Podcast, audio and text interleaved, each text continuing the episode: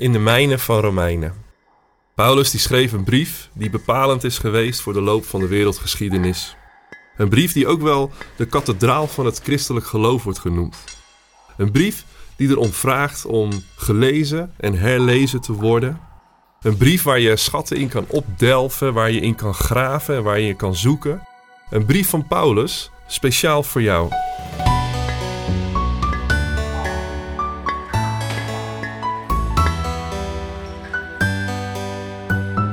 We gaan in deze podcast mijnen in Romeinen.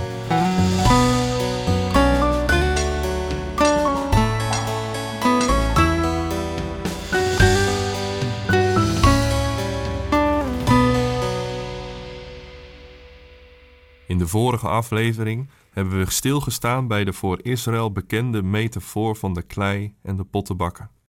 Vandaag lezen we verder vanaf Romeinen 10, vers 1 tot 13. Broeders en zusters, ik wens uit de grond van mijn hart en bid tot God dat ze zullen worden gered. Ik kan van hen getuigen dat ze God vol toewijding dienen, maar het ontbreekt hun aan inzicht omdat ze Gods gerechtigheid niet kennen, proberen ze hun eigen gerechtigheid te laten gelden en verlaten ze zich niet op Gods vrijspraak. De wet vindt zijn doel in Christus, zodat iedereen die gelooft rechtvaardig zal worden verklaard. Zeker, Mozes zegt over de rechtvaardigheid die op het grond van de wet verkregen wordt: wie doet wat de wet voorschrijft, zal leven. En over de rechtvaardigheid die op grond van geloof geschonken wordt, staat geschreven: Zeg niet bij uzelf wie zal opstijgen naar de hemel, en dat betekent wie zal Christus naar beneden brengen, of wie zal afdalen naar de onderwereld, en dat betekent Christus bij de doden vandaan naar boven brengen. Maar vervolgens zegt Mozes: Het woord is dicht bij u, in uw mond en in uw hart. En dat betekent de boodschap van het geloof die wij verkondigen is dicht bij u.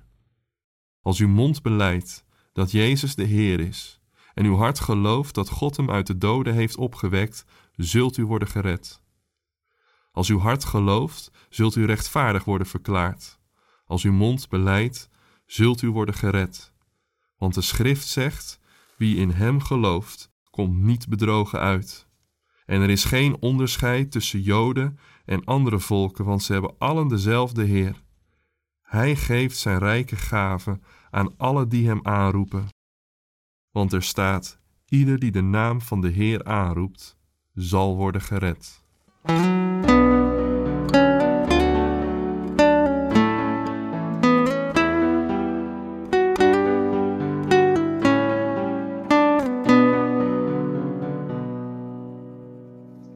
Op een dag lag er een envelop op onze deurmat. Toen ik de envelop opende, bleek daar 500 euro in te zitten. Het bleek een gift te zijn van iemand uit de gemeente waar ik toen werkzaam was in de laatste fase van mijn theologiestudie. We leefden in die periode financieel vooral van de verkoop van ons bedrijf. Met een gezin met vier opgroeiende kinderen gaat het dan best hard. Zo'n gift is dan uiteraard een prachtige aanvulling. Maar toch vond ik het nog best lastig om dit dankbaar te ontvangen. Ik ondervond aan den lijve dat het makkelijker is om geld te ontvangen waar je recht op hebt, dan om geld te ontvangen als gave. Ik moest hieraan denken naar aanleiding van het gedeelte van vandaag, waar Paulus spreekt over zijn volksgenoten die hun eigen gerechtigheid laten gelden en zich niet verlaten op Gods vrijspraak. Genade ontvangen is een ingewikkeld ding. Het confronteert je namelijk met je eigen kwetsbaarheid, met je eigen trots, met de beperkte slagkracht van je eigen handelen. Dus is het makkelijker om door te ploeteren op eigen kracht, om vol te houden dat je niets van niemand nodig hebt, om dus de eigen gerechtigheid te laten gelden. Je zou maar je leven lang gestudeerd en geleefd hebben met de wet van God, je hoop en je vertrouwen gesteld hebben in datgene wat je via Mozes in de wet hebt ontvangen en dan opeens komt er een collega volksgenoot je melden dat de wet zijn doel vindt in Christus. Dat iedereen die gelooft in het evangelie van Jezus Christus door dat geloof rechtvaardig zal worden verklaard. Ik kan me goed voorstellen dat deze boodschap voor veel van Paulus' volksgenoten meer dan verdacht was. In het gedeelte wat we vandaag gelezen hebben, citeert Paulus er weer flink op los uit de boeken van Mozes. Teksten die Paulus vervolgens direct toepast op Jezus Christus zelf. Geloof in Christus rechtvaardigt. Christus is naar de aarde gekomen, dus je hoeft niet op te stijgen naar de hemel. Christus is vanaf het dodenrijk opgestaan, dus je hoeft er niet in af te dalen. Christus is dichtbij. Zo dichtbij dat je het kan beleiden met de mond en je het kan geloven met het hart dat Jezus Christus is opgestaan. Tot twee keer toe herhaalt Paulus die woorden. Geloven met je hart. De Bijbel lokaliseert het hart als de zetel van onze identiteit. In ons hart komen onze gedachten, onze gevoelens en verlangens bij elkaar. Daar zit de kern van ons zijn. Vanuit de periode van de verlichting is het idee dominant geworden dat ons denken het centrum uitmaakt van ons zijn. Ik denk, dus ik ben, zei de filosoof Descartes in de 17e eeuw, waarna de dominantie van onze ratio een ongekende opmars maakte. Tijdgenoot en collega Blaise Pascal zei hier echter op in zijn kenmerkende symmetrische stijl: Het hart kent redenen die de reden niet kent. Met andere woorden, we zijn meer dan ons denken alleen. Het geloven met ons hart zegt iets over de richting waarin je leeft. Het vertrouwen dat je daarin zichtbaar maakt op de genade van God. De afhankelijkheid die je in je dagelijks leven aan de dag legt van Gods goedheid. Het is niet zomaar het rationeel beleiden en herhalen van de juiste geloofsdogma's, of het volgen van de juist uiterlijke regels en gewoonten.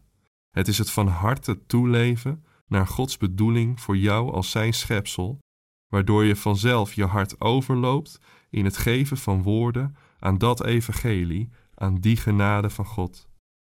Soms moeten we even opnieuw leren wat genade is, door een spontane envelop in de brievenbus, door het ontvangen van vergeving van iemand anders, of de ruimte om iets los te laten waar je al tijden al ploeterend aan vasthoudt.